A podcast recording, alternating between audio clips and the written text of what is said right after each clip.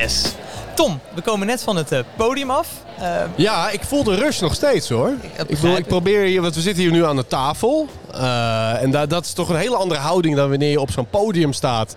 Waarbij je met een volle zaal, ik denk dat er 100 mensen ongeveer zaten. Ik heb ze niet geteld, maar ik geloof het meteen. Ja, over, ja, waar hebben we het over gehad? Ja, over negatieve emotie in de customer journey natuurlijk. En, en ik wilde eigenlijk om deze podcast te beginnen. We zullen straks even natuurlijk inleiden vanuit welke entiteit en welke positie we hier zitten. Maar Tom, um, kort kan je de, de main takeaway van, ja, van de talknet geven? Nou zeker. Kijk, in marketing kijken we van oudsher, staan we ons eigenlijk bijna blind op positieve emotie. En dat heeft een goede reden, want positieve emotie is wat ons tot producten uh, uh, verleidt, tot het kopen van die producten. Maar, ja, kijk, wij zijn een neuromarketingonderzoeksbureau. Uh, wij, Tim en Tom, maar van een Ravel. Ja. Maar sommige mensen kennen hier nog Tim en Tom beter dan een Ravel, zo, zo viel mij te horen. Hoe dan ook, wat wij dus vaak zien in neuromarketingonderzoek is dat negatieve emoties soms positieve onverwachte gevolgen kan hebben een moment later. En daar eigenlijk het hele, uh, de hele talk mooie voorbeelden van gegeven. Bijvoorbeeld de reclame op de winkelvloer, uh, online usability. Waarbij kleine pijnprikkeltjes een opmars vormen voor een positief moment. En uh, dat was verrassend. Ja, ja, dus dat is ook de main takeaway. Je mag best negativiteit hebben, zolang je het maar opvolgt met iets positiefs. Exact. Ja. Um, waarbij inderdaad wel, wat je natuurlijk ook aan het einde denk ik wel mooi zei, is dat het niet het doel moet zijn om die negativiteit te tonen. Ja. Maar mocht dat nou zo gebeuren en mocht dat ten behoeve eigenlijk staan van het verhaal of in het uh, ja, moment, dat je dat dan uh, positief moet draaien. Exact. Ja, en die takeaway is natuurlijk heel gevaarlijk de verkeerde kant om te buigen. Dat, uh, je zag soms mensen in de zaal al bijna kijken van oké, betekent dat dat ik nu slechte service mag leveren? Nou ja. nee. Het betekent dat je soms negatieve momenten goed kunt benutten om daarna positievere, nog positievere momenten te creëren. Ja, ja, ja, ja precies. Um, nee, je zei natuurlijk net al mooi, Tim en Tom van een Raffle, maar het is inmiddels natuurlijk niet Tim en Tom meer. We zijn met een heel mooi team. We zijn inmiddels, we zijn met z'n elfen net naar New York uh, geweest. Ja. Dat is bijna het hele team. Een aantal uh, stagiairs gingen uiteraard natuurlijk niet mee, de freelancers ook niet. Sommigen op vakantie. Uh, ja, dus een paar afwezig. Dat zijn we vaak met z'n zestienen. En dat vind ik wel heel gaaf, Tim. Want als je kijkt, we bestaan nu tien jaar. Ja. Hè, tien jaar geleden zijn wij samen begonnen vanuit de schoolbanken bijna, kun je zeggen, van de Universiteit Leiden. Ik zie jou kijken van, ja, is dat nou de origin story die je daar... Uh, het is toch gewoon uh, de harde waarheid. We, we, zijn gewoon vanuit uh, de master consumentenpsychologie hebben we elkaar leren kennen. En dachten daar eigenlijk, wat wordt er toch verdomd weinig gedaan met die consumentenpsychologie in het bedrijfsleven. En we dachten, waarom maken we daar niet zelf een bedrijf van? En dat is wat vandaag de dag een Ravel is. En de afgelopen drie, vier jaar is het eigenlijk ieder jaar verdubbeld. Ja, nee, dus dat is eigenlijk wel bizar. Hè? Ja. ja de afgelopen jaren ging het bizar goed. Daar tegenover staat inderdaad die eerste drie jaar. Ja, die waren misschien niet om over naar huis toe te schrijven. Dat waren uh, pittige dat jaren. Dat waren de noedeljaren, zeg ik zelf altijd. Zoals hij inderdaad altijd graag inderdaad zegt. Um, maar uh, desniettemin zijn wij onwijs ja, trots natuurlijk wat we op dit moment bereikt hebben. En, en ja, ook dat vind ik in het licht van wat we dus net hebben gehad. Hè, onze trip naar New York. Ja. Uh, dat teamgevoel wat daar ontstaat en wat we met z'n allen hebben. Dat is natuurlijk onwijs vet. En tof dat wij dat met z'n tweeën hebben kunnen neerzetten natuurlijk. Uh, maar goed, we hebben het net gehad over de negativiteit in de customer journey.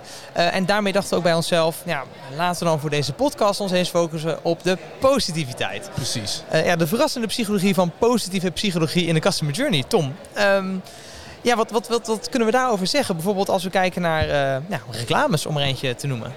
Ja, reclame is natuurlijk een prachtig toepassingsgebied van neuromarketing en consumentenpsychologie. Want je hebt gewoon een hele mooie stimulus waar je heel erg veel mee kan. Dat is een video van 30 seconden.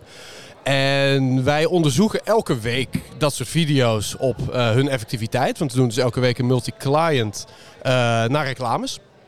En we zien daarbij dat sommige dingen stevast heel goed werken. En sommige dingen stevast juist wat negatiever aanslaan. En het is denk ik wel grappig gewoon vanuit praktisch oogpunt om er gewoon een paar langs te lopen. Van wat zijn nou een soort van de sure gains als het gaat om positieve emotie opwekken in het brein. Want we meten dat met EEG. Dus we kunnen echt op scène niveau, op de seconde nauwkeurig zien wat tot positiviteit leidt. En uh, daar zit een aantal open deuren in. He, als je iemand ziet glimlachen, glimt jouw brein een klein beetje mee. Zie je eten, dan reageert jouw brein daar verlekkerd op. Veel van dit soort positieve effecten die kun je evolutionair verklaren. Want ons brein is voorgeprogrammeerd om ja, plezier op te zoeken, maar ook om te overleven. Nou, daarom uh, glimlachen, eten, dat werkt goed. Maar uh, baby's, ook een goeie hè? Ja, ja, dat zagen we natuurlijk heel mooi terug in de commercial van Nutricia. Ja. Um, heel interessant. Dat onderzoek eh, hebben we gedaan met ja, 12, nee, dat moet ik goed zeggen, met moeders met kinderen onder de leeftijd van twee jaar. Ja, En, dat is een ehm, moeilijke wervingsklus. dat was het is gelukt. interessant. En we waren tegelijkertijd eh, onderzoeksbureau als eh, eh, ja, crash voor de baby's die dat waren we zeker. ook ja. meegingen. Ja, de decibellen gingen omhoog eh, Ja. die week. Nee, en, en wat we daarin zagen, dat was eigenlijk natuurlijk wel dubbel in zoverre. Over het algemeen in de hele reclame zagen we natuurlijk dat baby's heel positief eh, waren. Ehm, ook dat... Met twee uitzonderingen. Met twee uitzonderingen inderdaad. Nou ja, de, eerste weet ik trouwens heel goed. De tweede moet je me even... Oh, nou, Nou, die weet ik ook wel. allebei dezelfde reden. De Ja. eerste noemde jij net op het podium, dus die kun jij denk ik het leukst toelichten. Ja. Dat was de start van de commercial. Ja, ja dat, dit is wel een lastig even, want u hoort dit natuurlijk over de podcast heen. Eh, en ik denk dat ook als je dit alleen maar hoort en niet als je het ziet, dat het inderdaad eh, voelt het wat typisch Nou, aan. als- je de zin hardop zegt, dan denk ik dat de neurale respons bijna even negatief is als het shot. Ja, namelijk, ja, ja. Nou, je ziet een baby die onder water wordt getrokken. Juist. onder water wordt gehouden. Eh, nee, je voelt hem al eh, voor iedereen die hier eh, ook met jonge kinderen thuis zit, die zullen het extreem zo voelen. Maar iedereen die het niet heeft, ook net zo goed waarschijnlijk. En we zagen dus bij die doelgroep een extreem negatieve reactie aan het begin van die commercial. Eventjes, hè, wel om de reclamemakers een beetje credit te geven. Ehm, als je het ziet, het shot, dan lijkt het wel een beetje op de Nirvana eh, eh, is een heel mooi Dus shot. het is En- een mooi shot. biologisch gezien kan juist een baby van zo jong, het was drie maanden oud denk ik, heel mooi, heel goed zwemmen. Maar Ja. Brein dacht daar toch anders over. Ja, zeker. Hè? Dus dat eerste shot wat je ziet, eh, die moeders die dachten gewoon meteen onbewust, ho, baby in gevaar, ik moet hier, eh, hier weg. Het tweede shot herinner ik me overigens wel, maar, eh, zeg maar Willem, pakken. ehm, nou, als we het over hetzelfde hebben, dat kindje op de fiets. Ja, juist. Ja. Ja, dus dat is ook heel mooi. Ehm, sowieso interessant, want de zet aan in, in deze commercial was een verzameling, denk ik, van shots die gemaakt werden eigenlijk door een periode heen waarin ze dus die ouders volgden. En ehm, daarmee worden dus heel veel shots afgewisseld.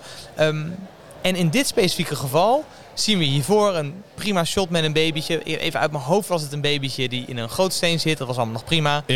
Ja, dat was, tenminste, het zag er gewoon lief uit. De reactie was ook positief. En het direct daarop volgende shot. Een baby van rechts, voor op de fiets, in het uh. Ja, close-up, achtergrond schuift snel. En ons brein denkt, gevaar. Ja, En dat is vaak wat we als soort van terugkerende wetmatigheid zien. Gevaar is negatief. Eh, of het nou een grommende hond is, een mes, eh, verkeerssituaties, heel vaak negatief. Ja. Rennende mensen, boze mensen, allemaal gevaarscues. Ook hier weer evolutionair heel goed te verklaren. Ons brein is geprogrammeerd om gevaar uit de weg te gaan. Ja. We zoeken de confrontatie liever niet op. precies. Nou moeten we ook, hè, als we dan toch over die commercial hebben en het over positiviteit hebben, hebben Mhm. over het einde van die commercial. Eh, want daar gebeurt iets heel moois. Eh, en dat willen we altijd eigenlijk toelichten aan de hand van het Pavlov-effect. Juist. Ja. ja, Pavlov die kennen we waarschijnlijk als het eh, psychologische genie. Die zijn hond liet kwijlen met een belletje. En dat komt erop neer dat, kijk, het hondenbrein, maar ook het mensenbrein is eigenlijk geëvalueerd om altijd associaties te vormen met beloningen. En eten is zo'n beloning. Op het moment dat jij een belletje hoort en daarna direct eten krijgt, dan ga je die cue, namelijk het belletje, associëren met de beloning. En ons brein en de werk van reclame is eigenlijk exact datzelfde fenomeen. Van een cue associëren met een beloning. De cue is het merk en de beloning is de commercial en de belofte van het product.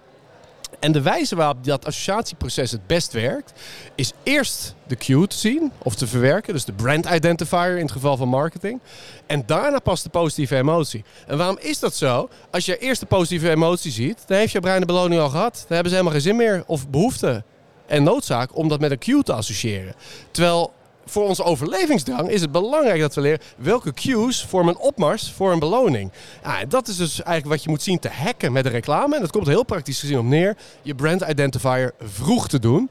En op zijn minst, als je een brand identifier op een bepaald moment hebt, dat altijd op te laten volgen met een van je meest positieve momenten in de commercial. Want dan benut je dat Pavlov-effect het meest. Ja, en dat zagen we dus in deze commercial heel mooi. Hè? Ja. Dus eh, eerst werd Nutricia, de doos, die stond heel duidelijk op tafel. Iedereen keek er ook naar, konden we terugzien met die eye-tracking. En vervolgens kwam er van achter die tafel vandaan een babytje opstaan. Nou, zoals we net al zeiden, een baby, zeer positieve emotie. En daarmee ook perfect natuurlijk gekoppeld aan het merk. Ja. Dus dat is heel leuk eh, om te zien. Hey, eh, Tom, eh, in het kader van de tijd moeten we natuurlijk ook nog hebben over websites en winkels. Ehm, ja, over winkels, positieve emotie daarin. Zit daar ook een groter psychologisch fenomeen onder? Ehm, kijk, winkelbeleving is niet iets lineairs. Wat bedoel ik daarmee? Op het moment dat jij naar een winkel gaat, dan kan het best zo zijn dat jij de helft van de trip er eigenlijk helemaal niks aan vindt. Of misschien wel meer. En uiteindelijk als je naar huis gaat waar het keert, toch een verdomd positieve herinnering aan die trip overhoudt. En dat komt omdat er vaak twee hele specifieke momenten als het ware domineren in hoe jij terugkijkt op die trip. En dat noemen psychologen de zogenaamde peak end rule. En dat is de regel dat jouw herinnering van een belevenis, of dat nou een winkelbezoek is of een vakantie is, die wordt eigenlijk gecreëerd door de piek, oftewel het hoogtepunt, en het eind, het eindmoment. En dit is de reden waarom bijvoorbeeld als jij op vakantie uh, gaat, het heel belangrijk is dat je de laatste dag, dag echt iets heel vets gaat doen. Want je kunt beter eigenlijk één hele toffe activiteit de laatste dag doen en de rest een beetje vervelen, dan eigenlijk dat budget uitsmeren over de hele vakantie. Want, althans wanneer je voor de meest positieve herinnering gaat, dat is hoe je die meest positieve herinnering creëert. Nou, dat is hoe je je eigen vakanties leuker kunt maken. Maar ook in retail werkt dat zo. Bijvoorbeeld IKEA benut het heel erg goed. We hebben net ook gesproken met mensen van IKEA. Eigenlijk had ik ze dit voorbeeld nog even willen voorleggen. Ja. Het is namelijk het volgende. Wat is de reden dat je helemaal aan het eind van die trip, en je hebt vervolgens voor 1000 euro aan meubels afgerekend, nog even voor 50 cent een hotdoggie hè, of, een, of een ijsje kan inslaan? Nou, dat is weer om die peak end rule te benutten. Of Ikea dat zo bewust doet, dat weet ik niet, maar het werkt wel op die manier in een voordeel. Want wat er namelijk gebeurt, is dat helemaal het allerlaatste stapje van die trip, als het ware wordt overschreven door het gevoel van, zo, dat is goedkoop. En dat is natuurlijk het gevoel wat Ikea wil dat het meest blijft hangen. En dat is dus een stuk effectiever als je dat ijsje aan het eind van de trip doet, dan wanneer je datzelfde ijsje aan het begin of halverwege of wherever zou doen. Nou, en dat is wel hoe retail werkt, hè? Ja, ja, super mooi ook inderdaad. En is dat inderdaad de vraag wat je zegt of Ikea het nou heel bewust heeft gedaan of niet. Uh, maar ik denk wel dat het heel bewust inderdaad erin laten. Uh, dat mooie laatste deel daar. Ik heb er nog wel eentje van die Ikea. Kijk. Als we het hebben over positiviteit in retail. Ken jij het, uh, het shopper momentum effect? Ja, daar ben ik mee bekend. Maar leg hem even toe. Nou, Het, het is een effect namelijk dat is uh, als zodanig op het moment dat jij één product koopt, verhoogt alleen die actie al de kans dat je nog een product koopt. Dus je moet het consumptiegedrag eigenlijk zien als een kraan die je als het ware opendraait. Nou, wat is daarvoor de consequentie voor retailers? Dat je soort van het eerste aankoopmoment, die allereerste ja in je shoppingtrip, zo vroeg mogelijk in je shoppingtrip wilt doen. Oftewel, ga niet uh, een impopulaire categorie voor in de winkel plaatsen in de hoop dat het dan nog wat meer aandacht krijgt. Nee, wat je juist wil is dat mensen vroegtijdig iets kopen en dan gaat mentaal een soort switch om en denken ze, dan wil ik dat ook, dan wil ik dat ook, dan wil ik dat ook. En IKEA doet dat heel erg goed be, uh, wanneer je aan het eind van de uh, trip in het magazijn komt. Of niet in het magazijn, wat daar aan vooraf gaat. Dus de woonaccessoire uh, afdeling. Nee, in principe is het wel het magazijn. is je dat gaat, magazijn? Nee, je begint natuurlijk boven met de inspiratie. Juist. En aan het einde daarvan ga je naar beneden. En in principe ga je gewoon het magazijn in. En wat is dan de eerste categorie die je tegenkomt? Ja, vaak dingen die ik eigenlijk wel nodig heb. Dus afwasborstels, vaccinelichtjes, nou, noem maar glazen, bestek. Echt van die dingen die iedereen nodig heeft. Dus uh, marktaanbod of behoefte is 100%. En het ligt daar voor een prijs waar je het eigenlijk niet voor kunt laten liggen. Vaak hele mooie deals. Uh, package deals ook. Dus zes glazen voor een tientje. Dat soort snuisterijen. En dat doen ze niet zonder reden. Die categorie staat daar met reden als eerst. Want daarmee benut je dus dat shopping momentum effect. Dat je vroegtijdig in die flow een, ehm, een positieve reactie krijgt. Dus die knop als het ware omzet in het brein. Waardoor vervolgens de kans dat misschien bij de minder populaire categorie die daarna volgen, hè, belichting, planten, een nieuwe badmat, allemaal van dat soort snuisterijen, die worden met een grotere waarschijnlijkheid ook nog meegenomen in het mandje. Ja, ja, je moet waarschijnlijk toch nog al, eh, je moet toch al langs de, de kassa, dan kan dit en net ook bij. Klopt. En in omgekeerde volgorde zou je dus hebben van, nou, die badmat die heb ik vandaag even niet nodig. En wat er dan gebeurt is dat je je committeert aan de nee. Dat is dus precies het tegenovergestelde van het shopper momentum effect. Waardoor wanneer je daarna dieper in die flow wellicht nog diezelfde aanbieding van die zes glazen voor een tientje zou tegenkomen. Je eigenlijk al gecommitteerd bent aan nee, ik ga niks kopen in het magazijn. Ik loop nu door naar de kassa. Nou ja, en daarmee moet je dus heel goed weten wat zijn je populaire categorieën. Wat maakt die ja los? En op die manier moet je binnen de gebaande paden van de customer journey moet je dat optimaliseren. IKEA heeft het daarin heel erg makkelijk, want het magazijn is lineair. Iedereen loopt daar een vaste route. Um, en dan zeggen supermarkten vaak, ja, wij kunnen dat niet, want mensen kunnen alle kanten op. Dan zeg ik, ja, dat is wel zo, maar er zijn wel dominante looppaden. We weten bijvoorbeeld dat mensen bijvoorbeeld de voorkeur hebben om op het hoofdpad rechtsaf te lopen. Althans in uh, landen waarin wij rechts rijden. Dus we lopen graag tegen de klok in. Wanneer supermarkten in deze rechtsrijdende landen daar voldoen, scheelt dat gemiddeld 1 dollar. Hè, dus gewoon puur de ingang aan de rechterzijde te laten zijn en het looppad ook rechts te laten plaatsvinden. Dat, kost, dat levert je gemiddeld 1 dollar per uh, bonnetje op. Ja. Nou, tel uit je winst. Ja, nee, dat is, dat die zijn makkelijk verdiend natuurlijk als je het mhm. zo even vanuit de psychologie weer inricht. Hey, en, Tom, we zouden het eigenlijk ook over websites hebben, maar uh, gezien de tijd moeten we hem uh, hierbij stoppen. Uh, Maar niet, denk ik, zonder te zeggen dat mensen, als ze meer van dit soort inzichten willen, ze ook kunnen aansluiten bij onze wekelijkse webinar over neuromarketing en gedragsbeïnvloeding. Waarom we, waarin we onder andere ook natuurlijk websites behandelen, maar natuurlijk ook reclames, winkels, nou, noem het maar op. Ook gedragsbeïnvloeding vanuit de overheid en vanuit non-governmental organizations natuurlijk. En leuk om te zeggen, in het kader als u nu toch een podcast luistert, deze webinars zijn ook te beluisteren via de podcast. In het enige wat je daarvoor hoeft te doen is te zoeken op de neuromarketing en gedragsbeïnvloedingspodcast van Unravel. En dan, uh, en dan kom je daar. En onze webinar, die is elke woensdag 12 uur, lunchwebinar. Yes. En uh, waar kunnen ze zich inschrijven? Het kan in principe heel eenvoudig via unravelresearch.com. Oké. Dan gaan we hem daarmee afsluiten, denk ik, hè, Tim? Yes, ik zie iedereen graag en dank jullie alweer voor het luisteren.